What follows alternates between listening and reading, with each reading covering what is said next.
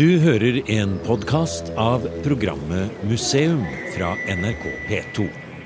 Dette programmet ble sendt første gang i november 2012. En åtte-ti mil nord for Florø møter vi arkeolog Trond Lødøen fra Universitetet i Bergen. Nå er det åpen båt og påhengsmotor resten av veien. Vi skal trosse bølger og kuling, for vi skal til Vingen og inn i steinalderens verden.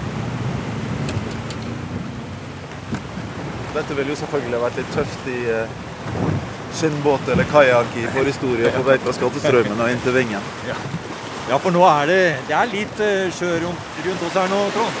Ja, det er stiv kuling i anmarsj, nesten storm. Så 20 sekundmeter storm er jo det vi har å se fram til utover kvelden her nå. Det begynner jo å bli ganske høy bølgehøyde allerede. Men vi har jo noen kjente den ja. Vi har jo noen kjente landemerker rundt oss her. Det er uh, Hornellen og Skattestraumen. Ja. Eh, Og det er kanskje nettopp der det med, med Skatestraumen at eh, det er kanskje grunnen til Vingen. Fordi det var der det var fortetning av bosetning eh, rundt den fiskerike strømmen. Så ville det vært, hadde en evig forsyning av, av fisk og fugl. Mye småvilt ser vi også at det er i, i, eh, i lagene. Ja. Eh, og med alle de folkene så var det behov for et rituelt sted som, som nettopp Vingen er. Indre kystlei går jo her, og den går jo rett under Hornelen, som vi har midt, midt over oss her. Ja. Og Hornelen var jo enda høyere i, uh, i steinalderen, for det var nettopp et horn på toppen da, som, som ramla av i 1865.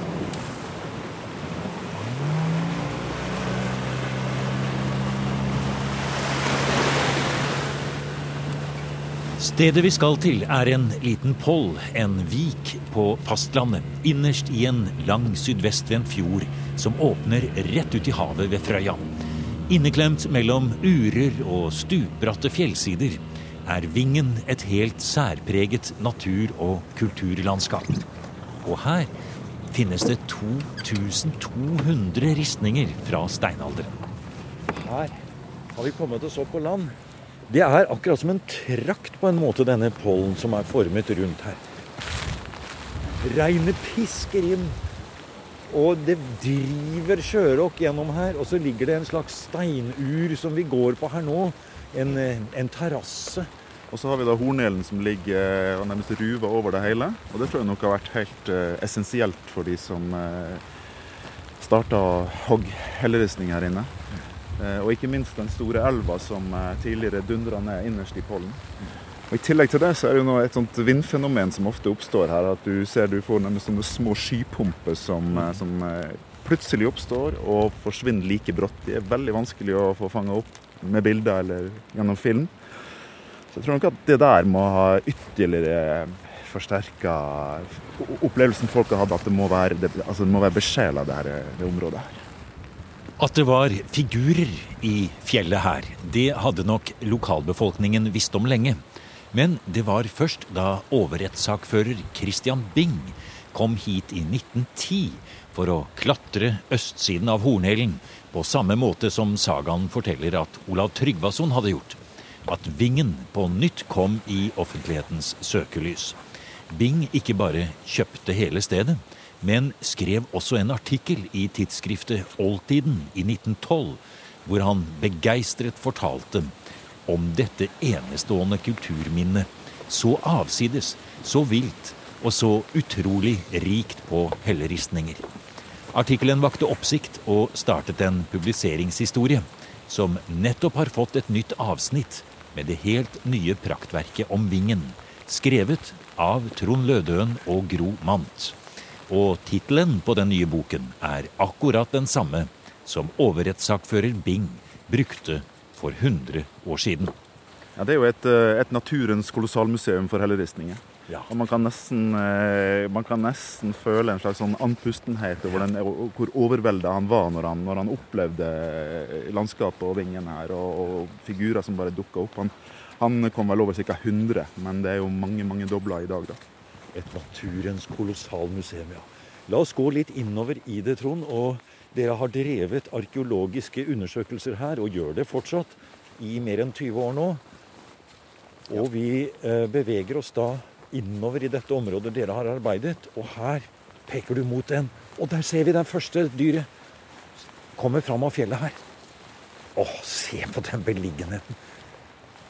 Ja, jeg mister nesten pusten når jeg ser det, altså. Når vi står inntil den lyse, flotte flaten som står her nå, med dype, dype konturhugd av, en, eh, av et hjortedyr med full kroppsdekor. Ja. Det er et av de største vi, vi har i, eh, i, eh, i Vingen, da. Men de finnes da i enda større lengde, da. Oppimot en par meter, par meter lange dyr. Men, men, stort sett så er de ganske små, sånn 30 cm lang. Og, og, vi har egentlig gått forbi ja, mange mange titalls som er vanskelig å se. De ligger under stein, de ligger bak stein, de er vanskelig å se. Det er grunne riss. Og du må egentlig ha sola med deg. Du må ha godt skrålys hvis du skal klare å, å se dem godt. Eller eventuelt ei, ei, ei lommelykt på, på nattestid. Og denne, dette hjortedyret det er på vei innover i, mot enden av bollen her. Ja, og egentlig når vi er på vei inn mot sentrum, så blir det et, egentlig et virvar mellom menneskefigurer, dyrehodestaver eller, eller, figur, eller uttrykt dyrehodestaver eh, og dyrefigurer. Men stort sett så kan man kanskje se at hvis du ser på den store bergveggen som er mm, enda lenger ut her, ja. der er det jo en, en, par hundre figurer. Og det er dyr som er på vei utover. Går vi helt i den andre enden, så har vi en mengde dyr som er på vei innover. Og Stort sett så er det da i randsonene utelukkende dyr som forlater eh, området i hver sin retning. Men jo nærmere vi kommer inn i sentralområdet, der blir det et, et, eh, et kaos. altså. Vi får nesten gå bak stenen her, for nå pisker haglet på oss her. Men når det gjelder eh, dateringen av feltene her i Vingen, så har vel det også endret seg litt. For til å begynne med satte man én datering, men dere har trukket det litt bakover. Ja, etter eh, ja, jeg holdt på å si både arkeologiske undersøkelser, eh, inngående studier av strandforskypningsforløpet gjennom tidene ja, eller kanskje spesielt eh, de mange utgravningene. Eh, titalls, bortimot hundretalls eh, C14-dateringer har gjort at vi nå ser et litt annet forløp. Og vi ser også samtidig mange faser, både når det gjelder de her tuftene som er i bruk, og, og det som sannsynligvis er ulike ristningsfaser. Hvor langt er vi før vår tid? Ja, Ca. 7000. Altså mellom 7000 og 6002. En, kanskje en 800-900 års periode der. Det er det som det ser ut i, i grove trekk. Og her har vi jo ei av de her tuftene som, mm. som, er kanskje en av de største. Oh, som vi går over nå, ja? Ja, som vi går nå. Og det, her har vi veldig god dokumentasjon. Man brukte de her tuftene når det var nødvendig å hogge ristninger. Og det var jo selvfølgelig eh, samfunnsforhold som gjorde at det virkelig var nødvendig. Og da dro man inn her, og så rensa man kanskje opp etter forrige gangs bruk, eller man hadde rensa opp da man sist gang forlot. Og så kan man da bruke de her tuftene på nytt. Når du nå forteller det de gjør, så ser vi jo for oss at selve at selve risteren, selve kunstneren, hadde sin bolig her. Og når jeg sier det, så er det fordi at dere har jo skrevet om i den fantastiske, flotte nye boka som dere har ut nå, så har dere også en av de ytterst få sjeldne funnene av selve redskapet som kunstneren kan ha brukt. Ja. Jeg har funnet like her borte, og den var jo den var funnet med et lag som vi da senere fikk ganske god datering, eh, datering av. Og ikke minst så, så, har vi gjort litt geokjemi. Vi har boret et bitte lite hull på for å kalle det baksida, så ikke det skal være skjemmende. Så geokjemien er helt klar. Den kommer fra Stakaldeneset rett innenfor Florø, som er et, mhm. et, et, et diabasbrudd. Altså bergarten diabas som har vært brukt til redskaper i 4000-5000 år. Så denne jeg håper å si knakkesteinen, ja, men det er jo ikke en knakkestein, men det er altså et, et direkte redskap. Altså, hvor, Forklar hvordan den ser ut. Det er som en dor, som en dor, hvis man kjenner det. Og man har sannsynligvis Det er veldig nøyaktig altså, Vi kaller det ristninger, men egentlig så er det jo prikkhogg. Altså ja. tusenvis av, av hoggemerker som lager linjen i figurene. Da har man brukt denne doren mot berget, og så har man slått med et annet redskap. Ja. Og så er den 10-12 cm lang, og så sier du man har hatt en annen sten som man har slått inn mot den med. Eller et, eller et, eller et, um, et uh, hoggeredskap av gevir, sånn at du får den, ah. sånn at ikke du nærmest knuser denne doren.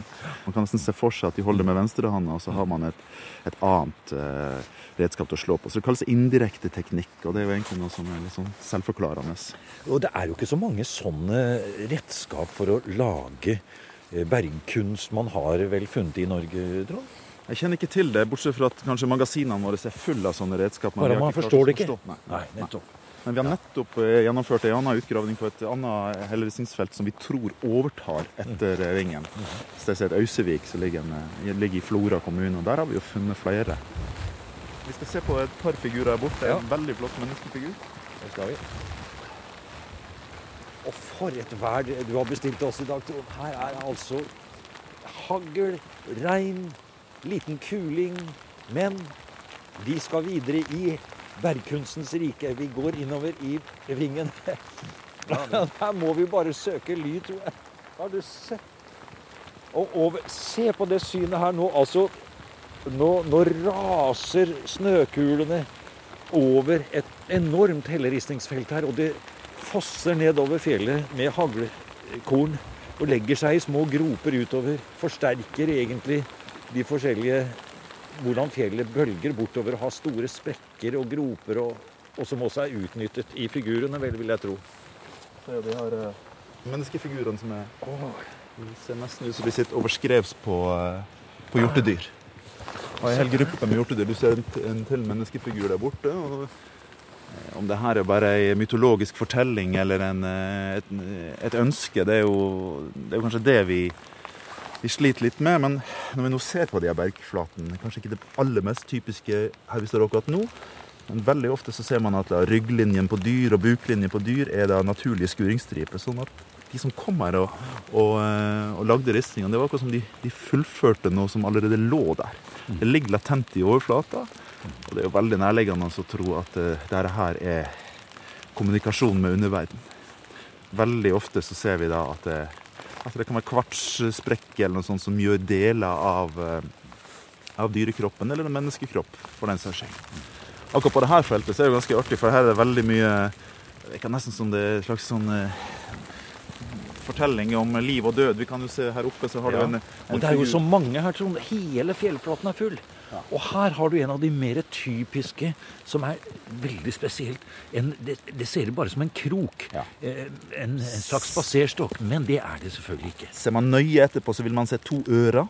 Og det er helt sikkert en, en dyrehodestav. Altså. En stilisert uh, form av det som man vet man brukte i steinalderen. Ikke funnet så mange av dem her til lands, men eh, i, i våre naboland så finner man altså dyrehodestaver som er lagd av bein eller oftest eh, gevir. Eh, og De er altså forma med hode, altså hode på dyr, enten elg eller hjort eller rein, og som et skaft. De kan, variere, de, kan ha, de kan variere i lengde, og vi ser dem jo på mange helvisningsfelt at, de- at de også er i bruk. Du kan se mennesker som holder, eller menneskefigurer som holder sånne dyrehodestaver.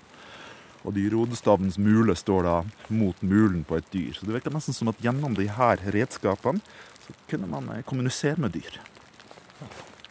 Så og, Og, og se, der er det og, Vet du hva, når jeg ser den, Trond, som du peker på nå, så må jeg si jeg blir helt eh, andagsfull. For her er det ikke malt opp noen ting.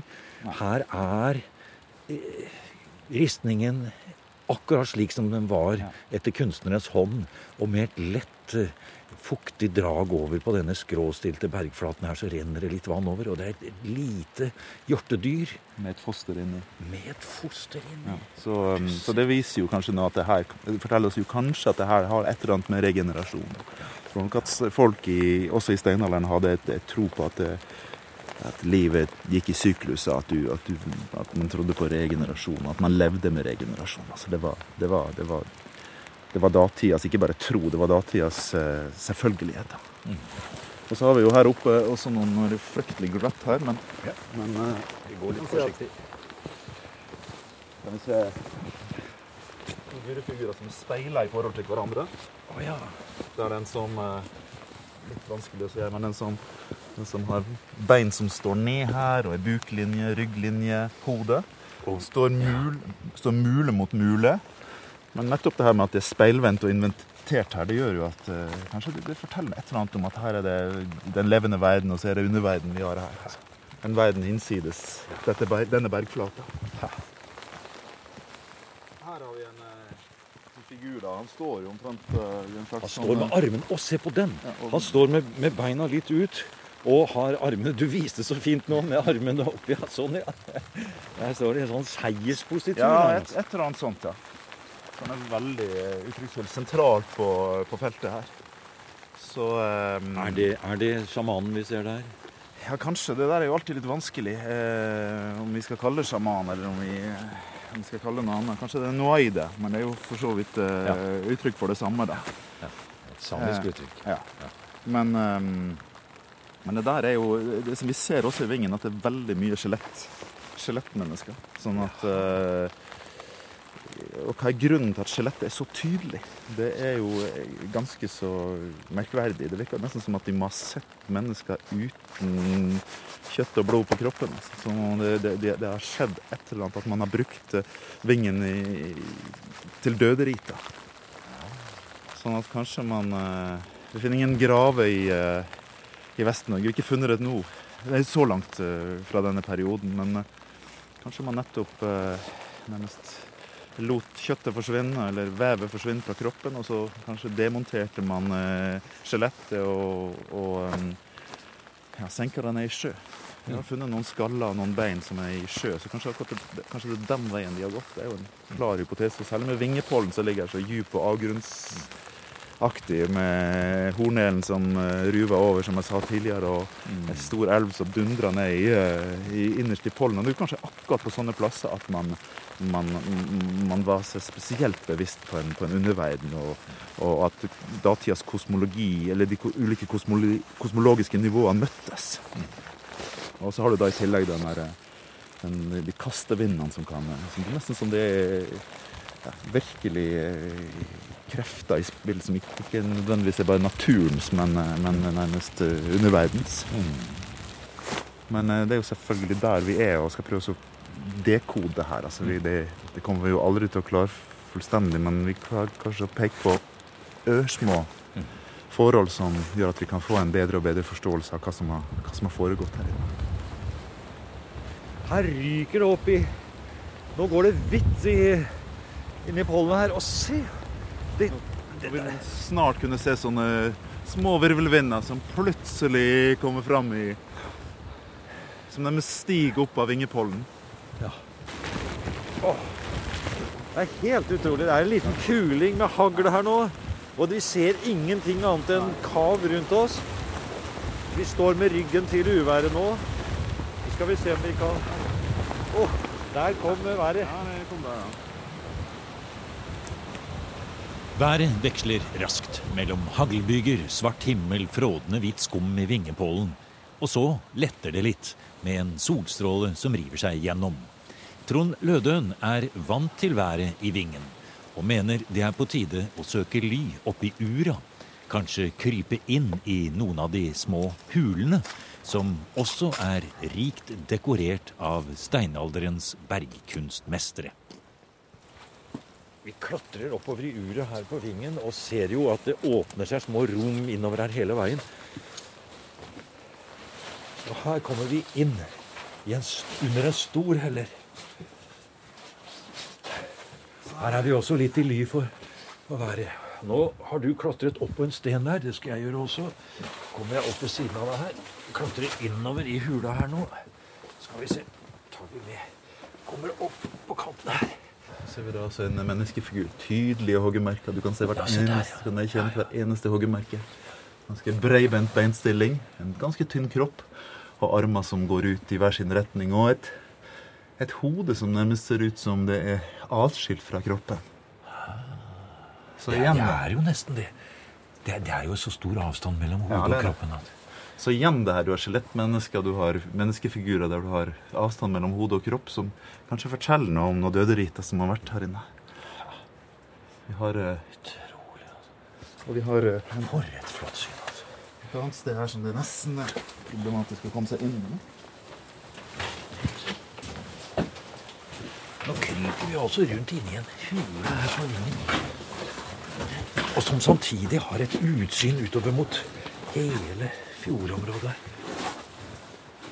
Et kryp, legger Trond seg på ryggen her og åler seg inn. Ja, dette har du gjort før, altså.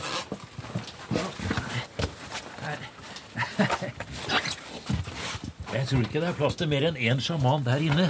Eller en noaide. Skulle selvfølgelig hatt med litt lys her nå, men Ja, men jeg ser det så her er det i hvert fall eh, en rekke hoggemerker. Egentlig så ser det ut som det er en, eh, en dyrefigur som er her inne. Og herfra jeg sitter nå, så ser jeg hvordan det drypper ned også. Kanskje nettopp det at det drypper her, og at det, det fryser og det sprenges av, gjør at vi, vi, vi mister, vi mister helheten i, i figuren. Men for et flott rom! Ganske trangt, men, men det går. Og det går an å sitte her og, og Ja. Både Man kan se for seg at de har sittet her og, og, og hogd figuren. Ja. De har i hvert fall måttet tilbringe tid her inne for å få det dokumentert. Ja. ja. Og så kan man da olse enda lenger inn, og på en annen stein her inne så er det da en dyrehodestav. For et fantastisk oppnåelse. Utrolig.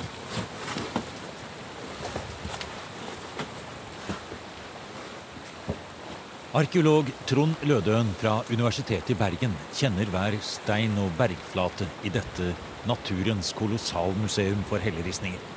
Og nå vil han ta oss med helt inn i bunnen av Vingepollen. Til fossen som kommer ned fra fjellet og skaper enda et voldsomt møte mellom naturelementene. Enda i dag, 7000 år etter at steinaldermenneskene ristet inn sine rituelle figurer overalt i fjell og stein omkring oss, er virkningen sterk. På de bergflatene her så er det en eh, 150 dyrehodestaver og en, eh, kanskje bare tre-fire dyrefigurer som virkelig er helt omringa av dyrehodestaver.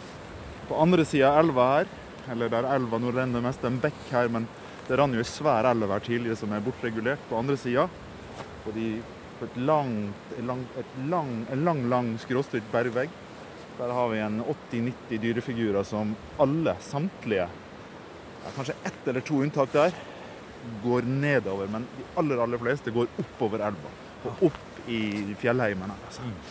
Så hva som egentlig befinner seg der oppe, har jo alltid vært et lite mysterium. Og vi har jo leita og leita og leita. Men det er i hvert fall der du finner store forekomster av hjort. Levende hjort i dag. Så om det er en, også da var en sammenheng at det var et godt hjorteterreng, og at det var en forbindelse der det hjortens egentlige rike er der oppe.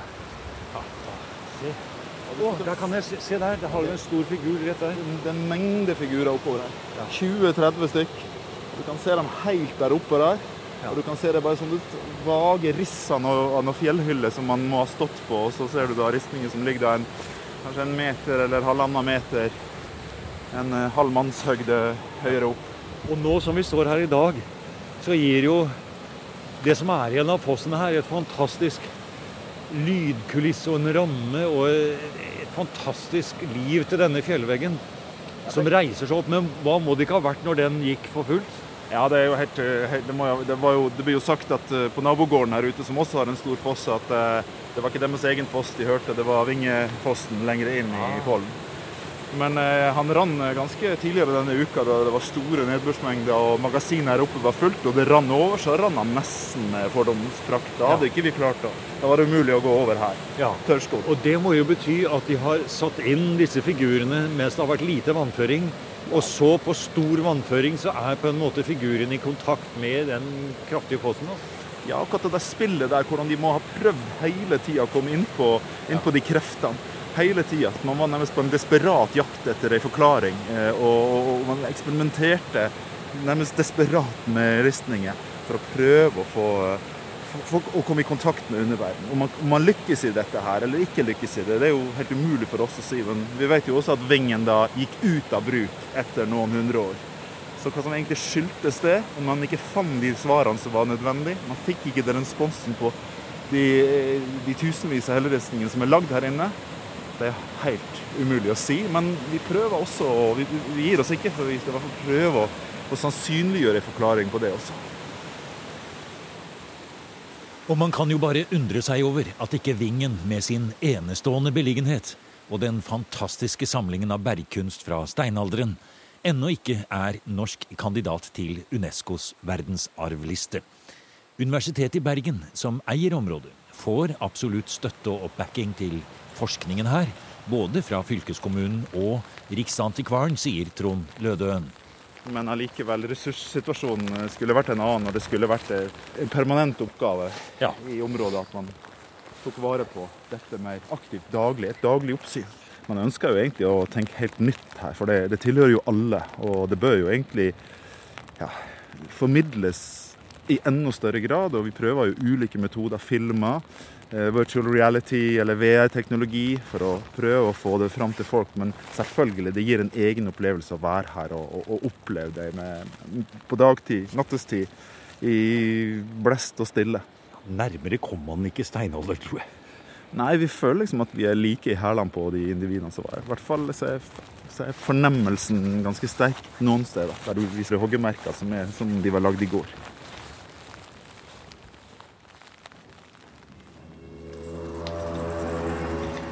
Du har hørt en podkast fra NRK P2. Send gjerne en e-post til museum krøllalfa nrk.no.